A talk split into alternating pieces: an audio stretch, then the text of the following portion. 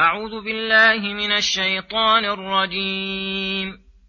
إن الذين كفروا لن تغني عنهم أموالهم ولا أولادهم من الله شيئا.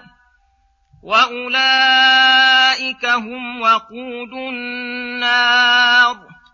كدأب آل فرعون والذين من قبلهم كذبوا باياتنا فاخذهم الله بذنوبهم والله شديد العقاب قل للذين كفروا ستغلبون وتحشرون إلى جهنم وبئس المهاد قد كان لكم آية في فئتين التقتا فئة تقاتل في سبيل الله وأخرى كافرة فئة تقاتل في سبيل الله وأخرى كافرة يرونهم مثليهم رأي العين والله يؤيد بنصره من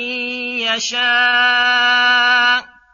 إن في ذلك لعبرة لأولي الأبصار. زين للناس حب الشهوات من النساء والبنين والقناطير المقنطرة من الذهب والفضة والقناطير المقنطرة من الذهب والفضة والخيل المسومة والأنعام والحرث ذلك متاع الحياة الدنيا والله عنده حسن المآب قل أنبئكم بخير من ذلكم للذين اتقوا عند ربهم جنات جنات تجري من تحتها الأنهار خالدين فيها خالدين فيها وأزواج مطهرة ورضوان من الله والله بصير بالعباد. الذين يقولون ربنا إننا آمنا فاغفر لنا ذنوبنا فاغفر لنا ذنوبنا وقنا عذاب النار. الصابرين والصادقين والقانتين والمنفقين والمستغفرين بالأسحار. بسم الله الرحمن الرحيم. السلام عليكم ورحمة الله وبركاته.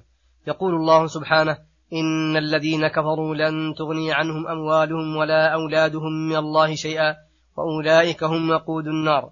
الآيات. لما ذكر يوم القيامة ذكر أن جميع من كفر بالله وكذب رسل الله لا بد أن يدخلوا النار ويصلوها وأن أموالهم وأولادهم لن تغني عنهم شيئا من عذاب الله وأنه سيجري عليهم في الدنيا من الأخذات والعقوبات ما جرى على فرعون وسائر الأمم المكذبة بآيات الله. أخذهم الله بذنوبهم وعجل لهم العقوبات الدنيوية متصلة بالعقوبات الأخروية. والله شديد العقاب. فإياكم أن تستهونوا بعقابه فيهون عليكم الإقامة على الكفر والتكذيب. ثم يقول سبحانه قل للذين كفروا ستغلبون وتحشرون إلى جهنم وبئس المهاد. وهذا خبر بشرى المؤمنين وتخويف للكافرين أنهم لا بد أن يغلبوا في هذه الدنيا. وقد وقع كما أخبر الله فغلبوا غلبة لم يكن لها مثيل ولا نظير. وجعل الله تعالى ما وقع في بدر من آياته الدالة على صدق رسوله وأنه على الحق وأعداءه على الباطل حيث حيث التقت فئتان فئة المؤمنين. لا يبلغون إلا ثلاثمائة وبضعة عشر رجلا مع قلة عددهم. وفئة الكافرين يناهزون الألف مع استعدادهم التام في السلاح وغيره. فأيد الله, فأيد الله المؤمنين بنصره فهزموهم بإذن الله. ففي هذا عبرة لأهل البصائر. فلولا أن هذا هو الحق الذي إذا قابل الباطل أزهقهم واضمحل الباطل لكان بحسب الأسباب الحسية الأمر بالعكس. ثم يقول سبحانه زين للناس حب الشهوات من النساء والبنين الآيات أخبر تعالى في هاتين الآيتين عن حالة الناس في إيثار الدنيا على الآخرة وبين التفاوت العظيم والفرق الجسيم بين الدارين أخبر أن الناس زيت لهم هذه الأمور فرمقوها بالأبصار واستحلوها بالقلوب وعكفت على لذاتها النفوس. كل طائفة من الناس تميل إلى نوع من هذه الأنواع.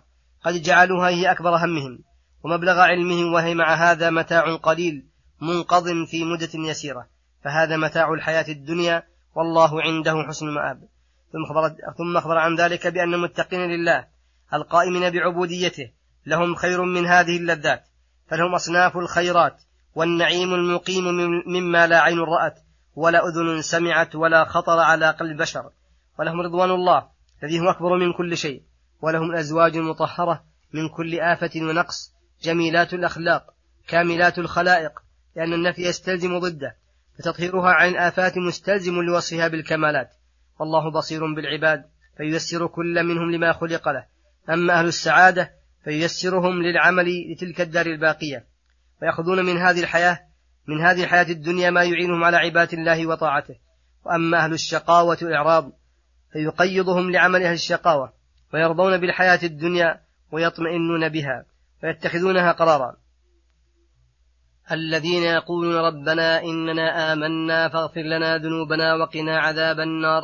الصابرين والصادقين والقانتين والمنفقين والمستغفرين بأسحار. أي هؤلاء الراسخون في العلم أهل العلم والإيمان يتوسلون إلى ربهم بإيمانهم لمغفرة ذنوبهم ووقايتهم عذاب النار.